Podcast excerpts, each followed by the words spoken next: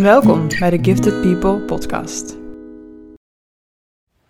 Superleuk dat je weer luistert naar de Gifted People podcast. En vandaag wil ik het met je hebben over wat je kunt doen als je kind vastloopt. Als je kind, uh, als je in ieder geval bij je kind herkenning vindt in hoopgaafdheid en je merkt dat het gewoon uh, op bepaalde plekken niet zo heel erg goed gaat. En ik heb drie dingen die ik vandaag daarover met je wil delen die je kunt doen als je herkent dat jouw kind nou ja, herkenningen heeft in hoopgaafdheid en uh, als je merkt dat het gewoon niet zo lekker gaat. En de eerste is een beetje voor de hand liggend, maar ook dat jij jezelf gaat verdiepen in hoopgaafdheid. Want als je herkenning vindt in hoopgaafdheid bij je kind, kan het best zijn dat jij of je partner ook daar herkenning in vindt. En is een groot deel van uh, is erfelijk, dus het is, uh, ze zullen het niet van de vreemde hebben. Als je gaat verdiepen in hoopgaafdheid, is het heel waardevol enerzijds voor jezelf. En je kunt misschien zelf ook erkenning vinden in hoopgaafdheid. Ik heb best wel veel ouders die ook via hun kinderen erachter komen dat ze hoopgaaf zijn. En soms denken ze in eerste instantie, oh, dat zal dan wel mijn partner zijn. Maar als ze zich erin gaan verdiepen, denken ze, oh, wacht even, dit gaat misschien ook over mij. Dus het is goed om daar in ieder geval voor open te staan. En ook als je zelf weet wat hoopgaafdheid is en je herkent jezelf erin en je begrijpt ook beter wat jij nodig hebt, heeft dat ook heel veel positieve impact op je kinderen. Alleen al omdat je laat zien, ik ben ook bereid om aan mezelf te werken. Ik ben ook bereid om meer over mezelf te leren. En het tweede is natuurlijk dat als jij bepaalde dingen van jezelf beter begrijpt, is het vaak ook makkelijker om bepaalde dingen van je kind beter te begrijpen. Dus het verdiepen in hoopbegaafdheid is echt heel erg belangrijk. Het is ook heel erg belangrijk omdat het tweede punt is dat het goed is om ook externe ondersteuning te gaan zoeken. Als je als ouder ook hulpverlener wordt, dan, uh, ik zeg al vaak, dan verliest je kind ook een ouder. Want in plaats van het ouder zijn, kunnen steunen, ernaast kunnen staan, word je in één keer de hulpverlener van je kind. En dat is eigenlijk heel onwenselijk, want jouw kind heeft jou gewoon nodig als ouder en niet als hulpverlener.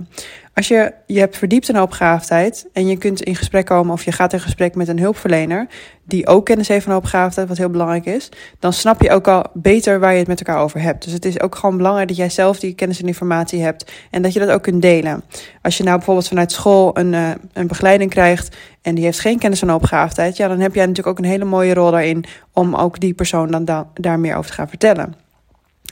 Als je op zoek gaat naar externe begeleiding, daar waar het mogelijk is, zorg ervoor dat je iemand vindt die ook kennis heeft van opgaafdheid. En die ook bereid is om echt met jullie mee te denken. Want sommige um, ja, hoe wil ik zeggen, begeleiders op school zijn soms ook nog een beetje standvastig in de zin dat ze graag willen dat je kind, uh, ongeacht hoe het gaat, toch naar school gaat en uh, in een plusklasje meedoet, ook al werkt het misschien niet. Dus kijk ook of je iemand kan vinden die ook flexibel met jullie meedenkt, echt aan jullie kant staat en ervoor zorgt dat gewoon de belangen van jouw kind vertegenwoordigd worden op school en op andere plekken waar dat nodig is. Um, er zijn verschillende sites. Bijvoorbeeld één is daarvan uh, www.ikbenhoopgaaf.nl, waar je ook hulpverleners kunt vinden die specifiek zich richten op hoopgaafde jongeren. Dus dat is even een goede om naar te kijken. En zorg er gewoon voor dat je iemand hebt die ernaast kan staan. Dat jij ook lekker gewoon de ouder kan blijven. En uh, ja, dat jij ook gewoon samen met die hulpverlener, met die begeleider kunt kijken, wat heeft mijn kind eigenlijk nodig. Het derde, als het mogelijk is, om ook in gesprek te gaan met je kind. We zijn soms een beetje geneigd om over kinderen te gaan praten en te denken, wat, wat hebben zij nodig en laten dat gaan regelen. Zonder even een tussenstapje te maken van, hé, maar wat wil jij eigenlijk? En wat ik heel erg heb gemerkt is dat kinderen het gewoon fijn vinden als ze in ieder geval het gevoel hebben dat ze gehoord en gezien worden. En soms dan denk je als ouder, ja, maar ik ben een goede ding aan het doen, want ik ben dingen aan het regelen en ik ben uh, bezig om ervoor te zorgen dat mijn kind een goede plek krijgt op een nieuwe school, et cetera, et cetera. Maar op het moment dat jij niet de tijd neemt om ook eventjes gewoon ernaast te gaan zitten en te zeggen, hey, hoe gaat het eigenlijk met jou? En uh, wat kan ik voor je doen? En weet dat ik er voor je ben. Dan kan het zomaar zijn dat jouw kind denkt van, hé, hey, maar je hoort me niet en je ziet me niet en je vraagt niet wat ik nodig heb. Dus zodra het mogelijk is, en bij hoopgaafde jongeren kan het vaak al wat sneller. Bij hoopgaafde kinderen kan het vaak al sneller dan niet hoopgaafde. Uh, dat je echt even de tijd neemt om gewoon te bevragen: wat heb je eigenlijk nodig? Wat zou je fijn vinden? Of wat vind je moeilijk nu? Wat vind je niet fijn? Dat je in ieder geval daar de tijd voor neemt. En dat je ook laat zien van hé, hey, ik ben er voor je en ik doe mijn best om dit voor jou te regelen. Zodat jij ook gewoon uh, een fijne plek hebt op school of op andere plekken waar je graag bent. Dus dat zijn in ieder geval de drie dingen die je al kunt doen.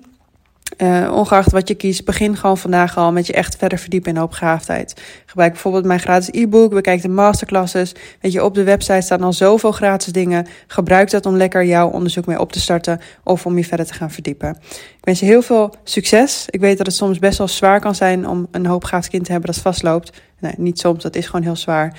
En uh, zorg er ook gewoon goed voor dat je ook tijd neemt om voor jezelf te zorgen. Want we verliezen ons soms ook een beetje in het zorgen voor onze kinderen en misschien ook wel je partner. En op het moment dat jij niet goed voor jezelf zorgt, dan ga je op een gegeven moment die strijd ook niet meer kunnen voeren. En die strijd kan soms best wel zwaar worden. Dus neem ook echt de tijd om goed voor jezelf te zorgen. Doe dingen die voor jou belangrijk zijn. Stap af en toe uit. Zorg dat je ook wat alleen tijd hebt. Want dat is de enige manier om ervoor te zorgen dat je ook duurzaam kan staan voor jouw kinderen en voor de mensen om je heen.